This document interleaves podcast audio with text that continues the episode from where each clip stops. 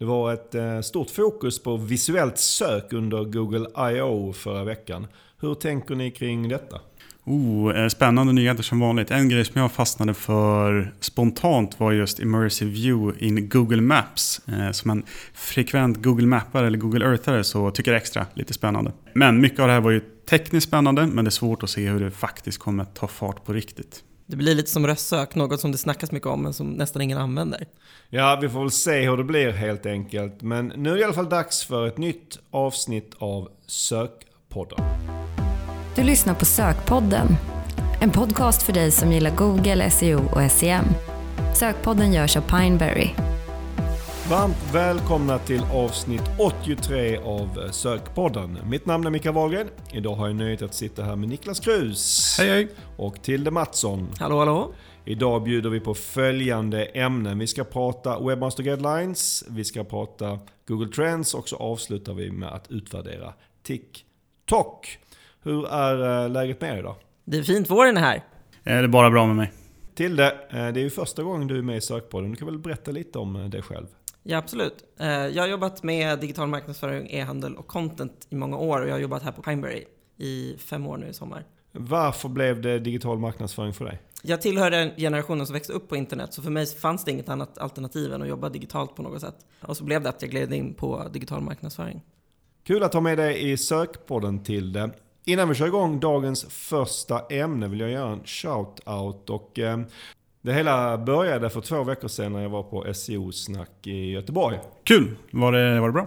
Ja, det var ju som alltid väldigt trevligt på SEO-snack och om ni bor i Götet så missa inte nästa gång de kör. Eh, de kommer väl köra här någon gång i eh, september, oktober skulle jag gissa. Eh, I alla fall, under kvällen där så var jag med i en diskussion där frågan gick runt bordet om vem som var ens förebild, eller förebilder när man började med SEO. Och då var jag ja, lite trögare än vanligt och kom inte på någon att säga på rak arm. Vilket kändes lite pinsamt för då tycker jag så här att jag borde kanske ha kunnat. Men senare på kvällen då poppade ett namn upp i mitt huvud. Men då var ju, det var för sent och diskussionen var över. Så jag tänker att jag nämner hen här istället. Bättre sent än aldrig. Ja, och vi får backa bandet till 2005 när jag började på ett företag som då hette OnGame och som var en pionjär inom online poker. Eh, ja, en minst sagt speciell bransch men faktiskt ett bra ställe att börja lära sig SEO på.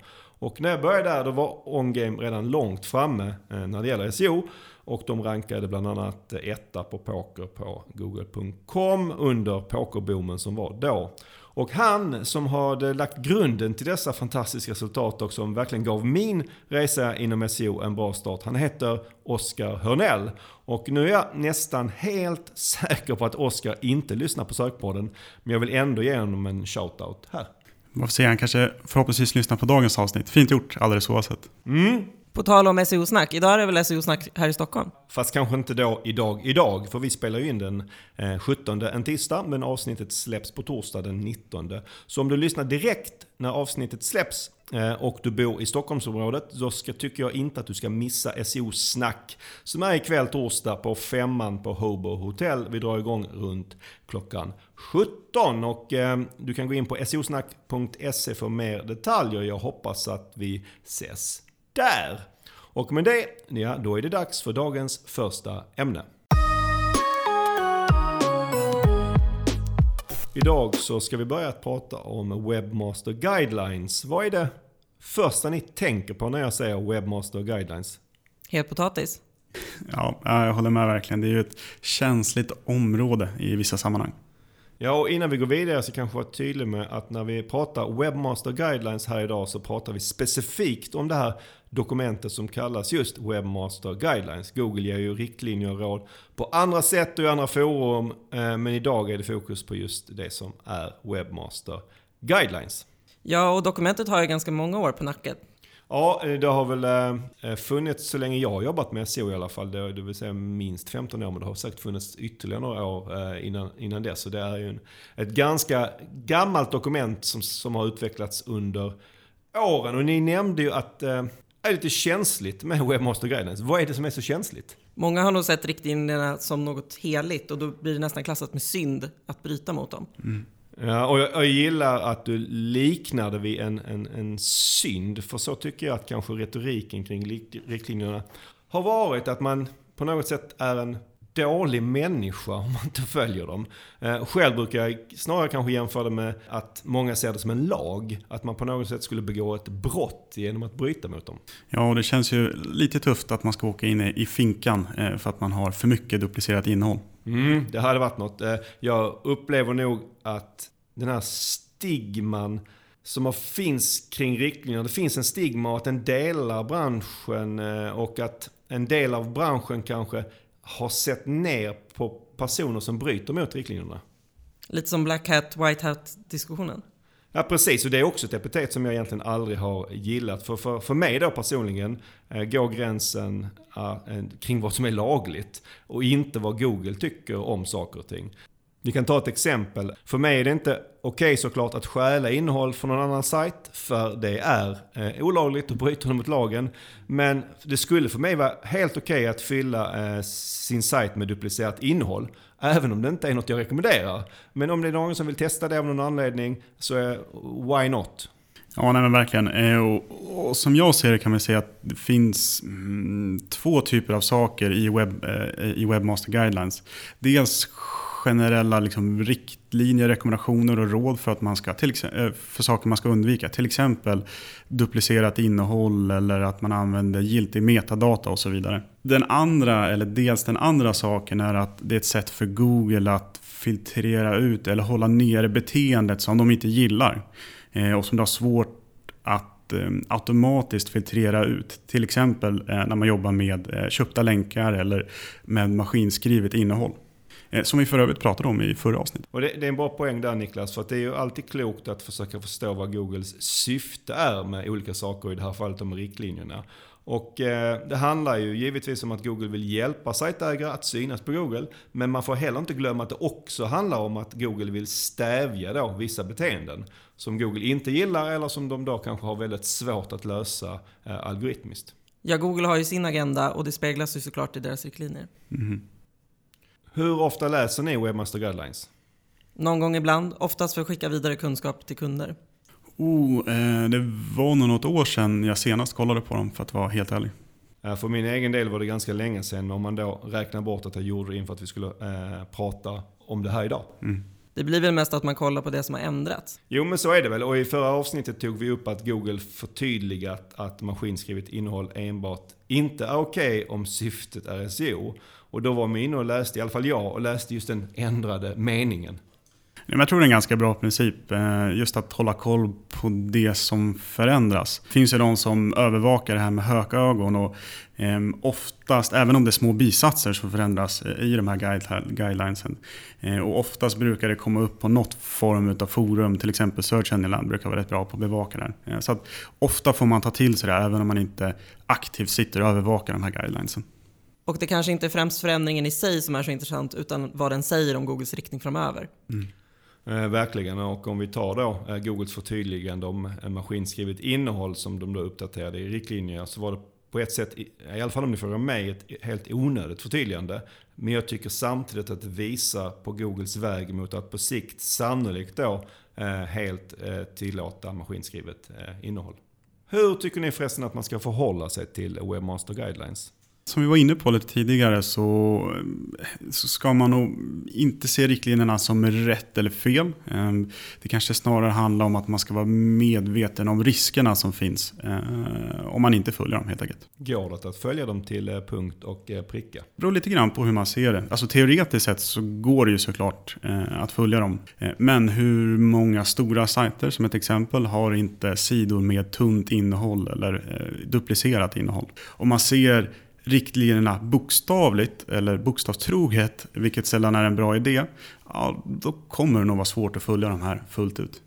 Sen ändrar ju sig riktlinjerna över tid och jag vet när jag började med SEO så uppmanade Google i riktlinjerna att man skulle registrera sig i länkkataloger. Och nu är det ju mer eller mindre tvärtom. Att man ja, mer eller mindre då bryter mot riktlinjerna om eh, man skulle eh, ha för mycket länkar från länkkataloger så att säga. Mm. Så det är ju inte bara enkelt att över tid eh, hela tiden följa riktlinjerna. Hur många sajtägare vet ens att riktlinjerna finns och har läst dem? Alltså, det är också en bra fråga och poäng och jag skulle gissa att det är ganska få sajtägare ute som vet att de finns och ännu mindre har, har läst dem. Och det gör ju sannolikt att många sajtägare utan att veta det kanske eh, bryter mot vissa saker i riktlinjerna. Och på tal om det, vad, vad riskerar man om man bryter mot riktlinjerna? I de flesta fall händer väl ingenting, men det finns såklart en risk att du hamnar i ett algoritmiskt filter. Och du kan också teoretiskt sett få ett manuellt straff, även om det inte är så vanligt. Eh, det handlar ju mycket om skala här. Eh, som vi var inne på tidigare har ju väldigt många sajter någon form av tunt innehåll eller duplicerat innehåll. Och om Google skulle filtrera bort de här sajterna så skulle det inte finnas många träffar kvar i, i sökresultatet. Så Niklas, det är helt okej okay att bryta mot reglerna så länge du bryter mot dem lite? ja, eh, återigen, det handlar om risk. Eh, bryter du lite mot något som Google ogillar, ja, men då är ju risken också låg. Eh, bryter du väldigt mycket mot något, eh, ja, då är risken stor. Eller då får du nästan räkna med, med en liten högre risk. Men det spelar också såklart roll vilken av de här riktlinjerna som du faktiskt bryter emot också. Eh, mycket av det som tas upp i riktlinjerna är ju sånt som Google har interna tröskelvärden för. Eh, och därför händer det inte så mycket om du rör dig inom de här tröskelvärdena. Mm. Sen är det väl även så att kanske den största risken utifrån vad som står i Webmaster Guidelines är kanske vad som händer om du inte får de här kallade grunderna på plats. Exempelvis står det om hur man ska sätta upp korrekt metadata. Och alltså om du inte har korrekta säg, titeltaggar eh, så kommer Google ju inte kanske direkt straffa dig. Men det blir ett indirekt ganska hårt straff genom att du får väldigt, väldigt svårt att eh, ranka. Har ni något i Webmaster Guidelines som är någon form av favorit? Det kan vara någonting som, eh, något råd ni kanske tycker är extra bra eller något extra tokigt eller något som ni liksom har fastnat för som ni ofta kommer tillbaka till. Eh, bra fråga. Eh, jag skulle nog säga Keep a simple URL structure. Eh, det avsnittet är väldigt intressant. Det är också där jag hittade in till de här guidelinesen eh, från första början. Mm. Min favorit är nog en, de har lite kontro, olika kontrollfrågor. Eh, och jag, jag, gillar verkligen den här Would I do this if search engines didn't exist? Och eh, andemeningen här är att man inte ska göra saker bara för att det finns sökmotorer. Men, och det är här jag tycker som är lite, här är lite rolig för det blir lite befängt. Eh, för sajtägare skulle ju inte lägga tid på olika typer av metadata, fixa dupliceringar, säkerställa att sökmotorer kan följa ens länkar och så vidare om sökmotorerna inte fanns. Ja, och Google borde ju snarare vara glada över att sajtägare tänker på att det finns sökmotorer. För jag är ganska säker på att sökresultatet hade varit sämre annars. Mm. Ja, och vi har varit inne på det eh, här tidigare, men det kan vara väldigt känsligt kring Webmaster Guidelines. Jag vill också nämna att jag upplever att det har blivit lite mer avslappnat eller mer sansat snack kring det här på senare år. Eh, skulle ni hålla med mig det? Ja, men det håller jag nog med om. Jag tror mycket där handlar om att Google har, som du är inne på, kanske en lite mer avslappnad inställning till sina riktlinjer och kanske mer kommunicerade som råd och ingenting som man med alla medel försöker tvinga på eh, sajtägare. Det är väl en bra utveckling? Verkligen. Och eh, det får också avsluta vårt snack om Webmaster Guidelines och vi går vidare till dagens andra ämne. Nu går vi vidare till eh, Google Trends. Är det ni flitiga användare av det? Absolut, det är verkligen ett av mina favoritverktyg. Eh, och det går att använda till så mycket inom digital marknadsföring. Ja, och jag använder det ofta för att utvärdera och visualisera söktrender.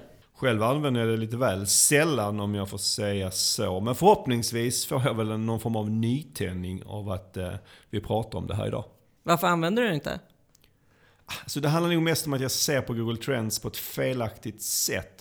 Jag tänker liksom på det som ett verktyg som är ett form av eh, substitut till Keyword Planner eller Ahrefs när det gäller sökvolymer. Men det är ju snarare ett komplement. Eh, och om man går då, som jag då, går in i Google Trends eh, med tron att hitta bra långlivade sökord med hög sökvolym, då är kanske inte Google Trends rätt ställe. Men det är nog så jag kanske lite indirekt har använt det. Ja, och jag ska säga, det heter ju kanske inte Google Trends av en slump heller. Precis. Det är ju ett trendverktyg eh, och försöker man då som jag använda det till någonting helt annat, då blir man ju eh, lätt besviken. Men det går ju också att använda Google Trends som ett komplement för att hitta sökord. Framförallt vid stora händelser som, som covid, mm. Eh, där söktrenderna kan skifta väldigt snabbt. Mm. Då kan man hitta både ämnen och sökord som går att skapa bra innehåll kring.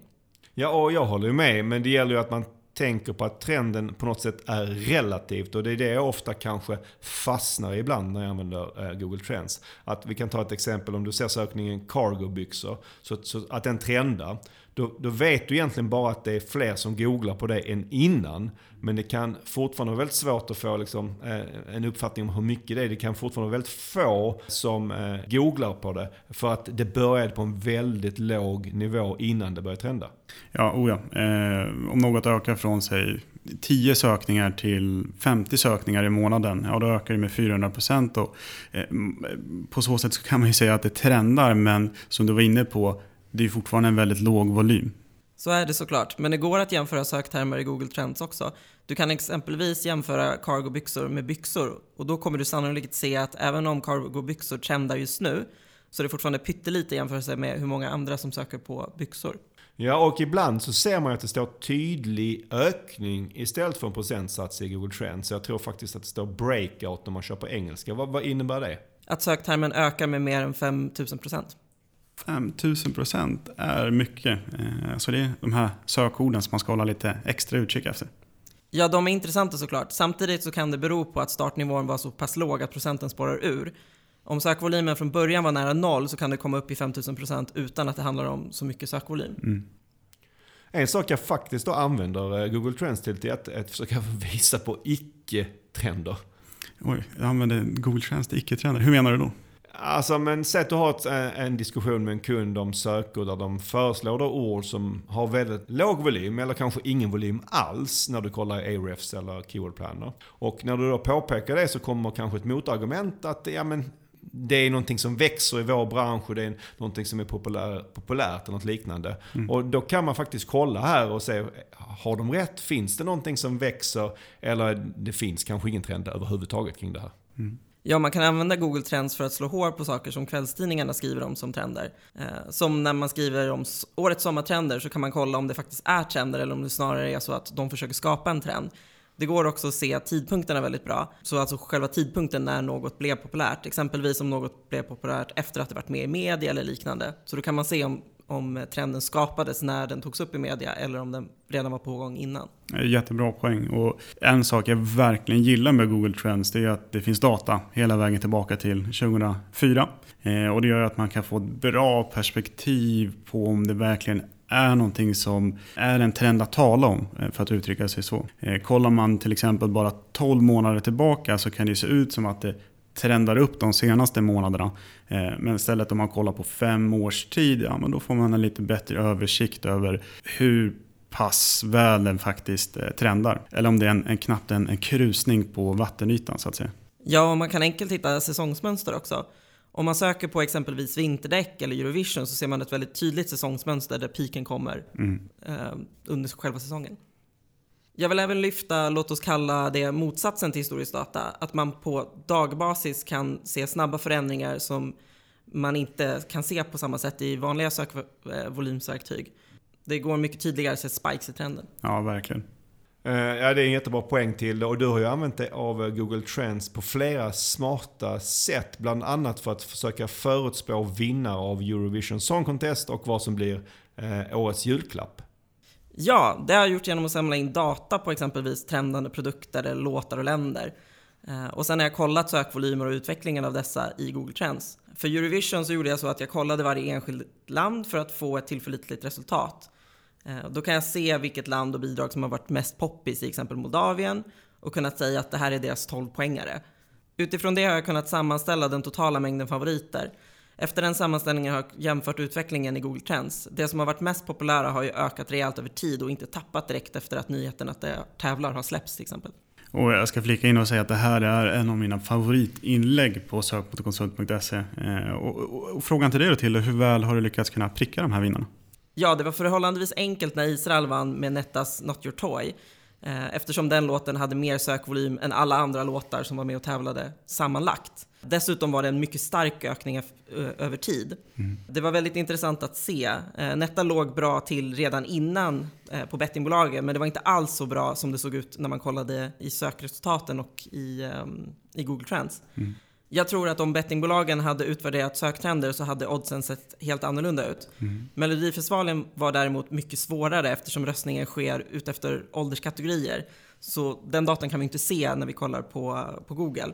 Årets julklapp har varit lite mer av ett wildcard eftersom vi mer eller mindre har gissat vilka vi produkter vi tror eh, folk är ute efter. Vilket också syns i våra eh, gissningar. Mm. Och det här har ju gett eh, mycket eh, trafik. Jag kommer ihåg din artikel eh, när du förra året eh, tippade vinnare i Eurovision, eh, delvis utifrån Google Trends. Säg att vi kanske en vanlig dag på sökmotorkonsult.se där vi skriver artiklar har vi kanske 300-400 eh, besökare. Men den dagen där din artikel kom då hade vi 6500 besökare. Så det är liksom 15 gånger mer trafik eh, än vanligt. En del av det var Discover-trafik, eller hur?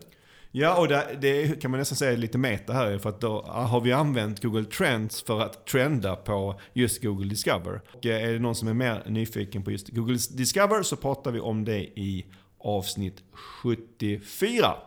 En grej som jag är lite nyfiken på det är hur höll trafiken i sig efteråt? Ja, den dog ganska snabbt. Eh, som vi pratade om innan så är det inte alltid evergreen-saker du hittar i Google Trends. Just Eurovision är ett bra exempel på något som trendar under en relativt kort period. Mm. Nu kommer jag att tänka på ett, eh, ett annat eh, eh, ganska roligt exempel där vi har använt Google Trends. Jag, det här var väldigt länge sedan. Jag tror faktiskt vi måste ta oss tillbaka till kan det ha varit 2009. Och jag ska försöka återberätta den här storyn nu. Kan vara att jag inte kommer ihåg alla detaljer. Men vi släppte en eh, pressrelease eller nyhet om, om vem som var kåtast i Sverige. Och det var eh, Magnus Bråth som vi, jag jobbade ihop då eh, med som gjorde det här. Han gjorde en sammanställning eh, utifrån hur många som sökte på sex eh, utifrån Google Trends. Alltså vad som trendade. Vilka län i Sverige som trendade mest. Och så gjorde han bara en topplista på det här helt enkelt. Och det som var lite extra roligt här, att jag tror det var Värmland som var högst upp på listan. Eh, och eh, en dag här på kontoret, och då hade vi inte så stort kontor här på Pineberry, eh, då ringde det i telefonen och då hade, var det en reporter på eh, Sveriges Radio i Värmland, lokalradion, som ville prata med Magnus. Eh, men han var inte där och han har varit smart nog att inte lämna ut sitt nummer. Så då fick jag ta samtalet. Och hon, eh, eh reportern då, eh, eller journalisten, var lite nyfiken på den här undersökningen. Och jag kunde ju svara på alla frågor kring just Google Trends, hur det fungerar, hur datan var och sådär. Jag la in lite brasklappar att det här kanske inte är den absoluta sanningen och så vidare. Men när hon till sen eh, som avslutande fråga undrade om jag hade någon teori kring varför man var lite extra kåt i Värmland, då hade jag inte speciellt många bra svar. Nej, det är eh, vad ska jag säga, ett typiskt exempel av korrelation och kausalitet. Eh, det kan se ut som på graferna att det korrelerar väldigt tydligt men är det så i faktiska verkligheten och finns det några argument för eller varför det ser ut så? Mm. Men det är väl utan tvekan så att man, om man är, är man lite kreativ så kan man hitta ganska intressanta saker på Google Trends och skapa innehåll och då engagemang runt. Och med det så sätter vi väl punkt för vårt eh, snack om Google Trends och går vidare till dagens sista ämne. Sist men inte minst idag ska vi prata lite TikTok och närmare bestämt utvärdering av annonsering på TikTok.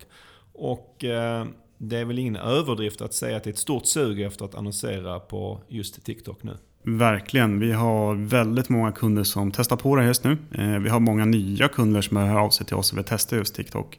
Och det är en kanal som växer i rekordfart som dessutom faktiskt har relativt låga CPM-priser. Vilka typ av kunder är det som testar TikTok? Um, jag skulle nog säga främst de som har en lite yngre målgrupp. Och vad är en yngre målgrupp då? Säg mellan 18 eh, till 30 år. Vad är en låg CPM på TikTok? Superbra fråga. Um, och jag skulle säga att allting under eller runt 20 kronor är en bra uh, tumregel på TikTok.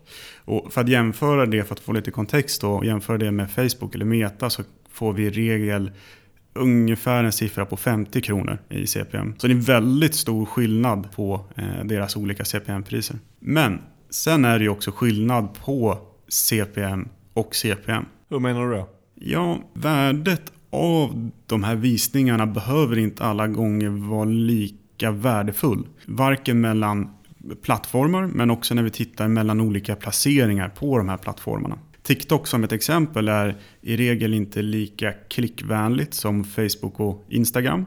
Vilket gör att det i regel brukar vara lite svårare för oss att driva försäljning. Men samtidigt så är ju TikTok en helskärmskanal där man enbart har fokus på det klippet som är uppe där och då. Så skillnaden i CPM är rimlig? Eh, ja, jo, absolut. Det är, ju, det är ju efterfrågan som styr CPM-priserna i mångt och mycket. Eh, men jag skulle fortfarande säga att det är väldigt låg CPM eh, på TikTok just nu sett till det värdet som vi faktiskt får därifrån. Så att, nej, jag skulle säga att TikTok är underprissatta just nu. Mångt och mycket, det beror ju på att det är färre annonsörer som har hittat till den här kanalen eller plattformen än så länge. Om vi då eh, pratar om att just utvärdera annonseringen eh, på TikTok. Är det CPM som vi var inne på här som är den viktigaste parametern? Ja, alltså, viktigaste eh, vet jag inte om jag skulle säga att det är. Men det är absolut ett relevant nyckeltal för ja, i alla fall de flesta annonsörerna på TikTok. Ehm, just för att det i regel brukar vara lite mer upper funnel marknadsföring och det brukar ofta styras kring vilka CPM-nivåer man kan nå. Är TikTok alltid upper funnel? Um, ja, men det skulle jag väl ändå kunna uttrycka mig som. Kanske inte alltid. Eh, det går som sagt att driva försäljning även från TikTok, eh, precis som Facebook och Instagram. Eh, och det kan absolut vara relevant att följa nyckeltal som återspeglar lönsamhet som ROA, CPA, average order value och så vidare. Men man ska inte glömma bort att TikTok är en mindre klickvänlig kanal än Facebook. Eh, som vi var inne på tidigare så kan det vara tufft att nå samma CTR på den här plattformen. Men det kompenseras väl än så länge med den här lägre CPM, CPM-nivåerna som finns? Ja, absolut. Eh, vi kollade faktiskt på, vände på steken och kollade lite grann på CPC-nivåer, hur de ser ut mellan de här olika plattformarna. Och tittar vi på Facebook så har vi ett snitt på 5 kronor 71 öre. Eh, tittar vi på Instagram så ligger den på 6 kronor 22 öre. Och på TikTok är den nere på 4 kronor 21 öre. Så att, eh, vi får faktiskt en lägre CPC där, även om diskrepansen inte är densamma. Du nämnde ju eh, ROAS här innan och när det gäller den typen av performance-nyckeltal eh, så kommer vi väl inte runt iOS 14-problematiken? Nej, det är ju exakt samma utmaning eh, när det kommer till att attribuera försäljning mellan alla de här plattformarna och i synnerhet även på TikTok. Då. Och som du var inne på så använder ju många annonsörer TikTok för mer då upper funnel kampanjer. Att bygga kanske varumärke och bygga försäljning på lång sikt. Och eh, om man då inte bara ska titta på CPM, vad finns det mer för nyckeltal man kan utvärdera utifrån? En sak vi tittar väldigt mycket på det är ju reachen, alltså hur många personer vi har fått kontra hur många visningar eh, som vi har fått. Och, eh, reachen är ju intressant att titta på just ur den bemärkelsen att man kan förstå lite bättre hur väl man har träffat i målgrupperna eller hur många man har träffat i målgrupperna. Så ett nyckeltal vi brukar titta på istället för CPN då är kost per tusen eller thousand people reach. Eh, och det är egentligen om du frågar mig ett bättre sätt att utvärdera än en vanlig CPM. Vad är en bra kostnad för tusen nådda personer?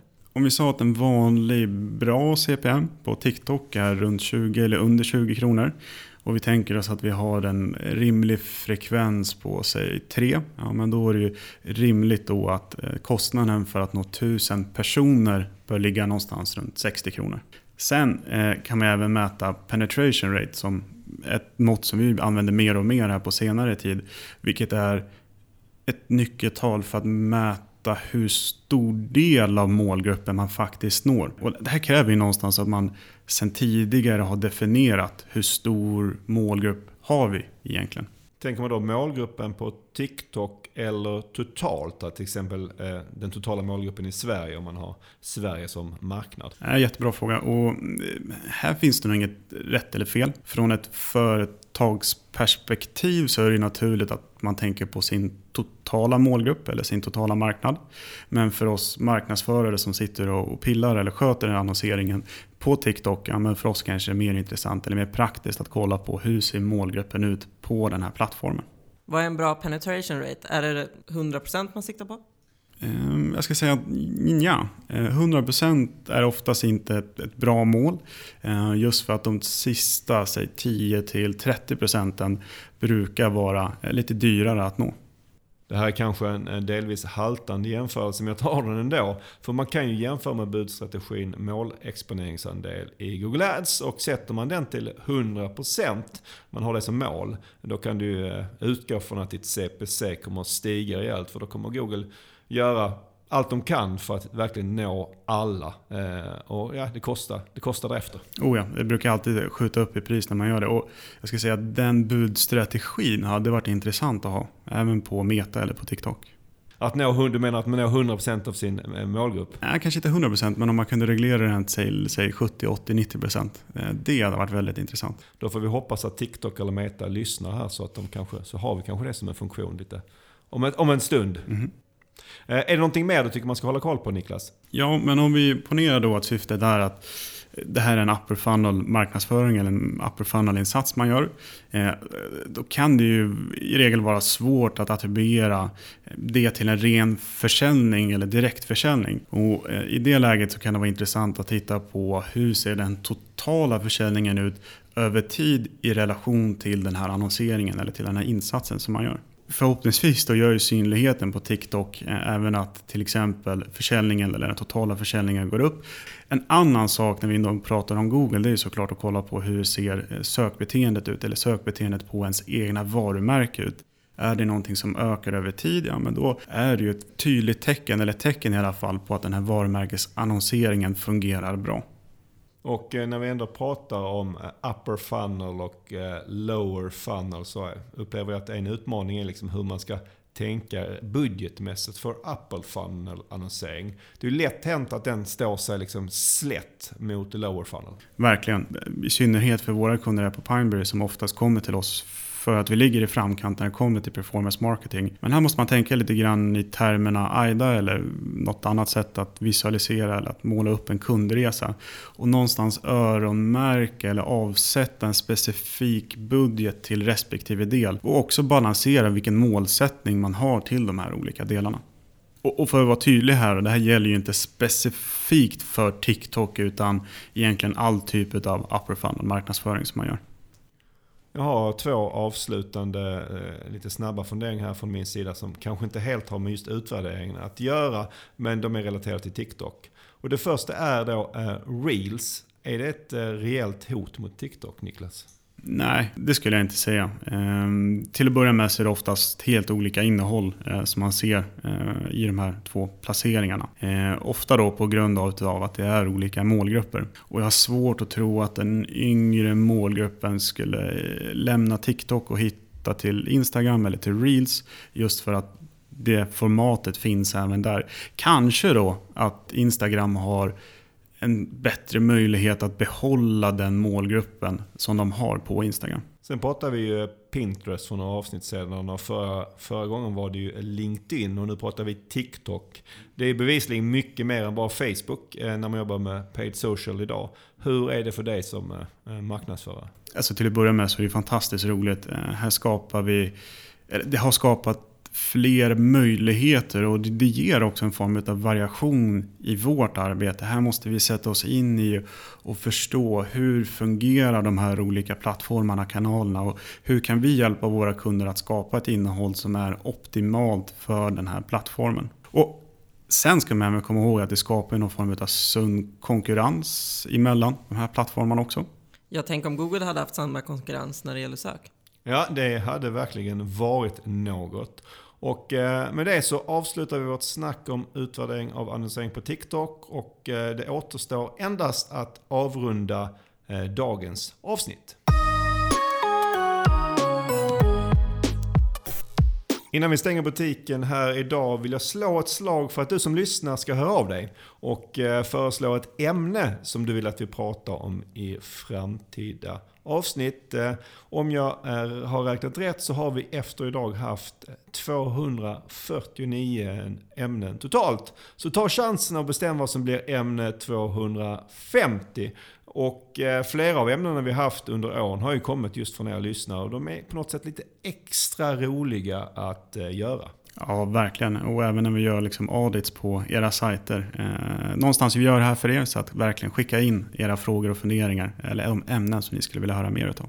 Mm.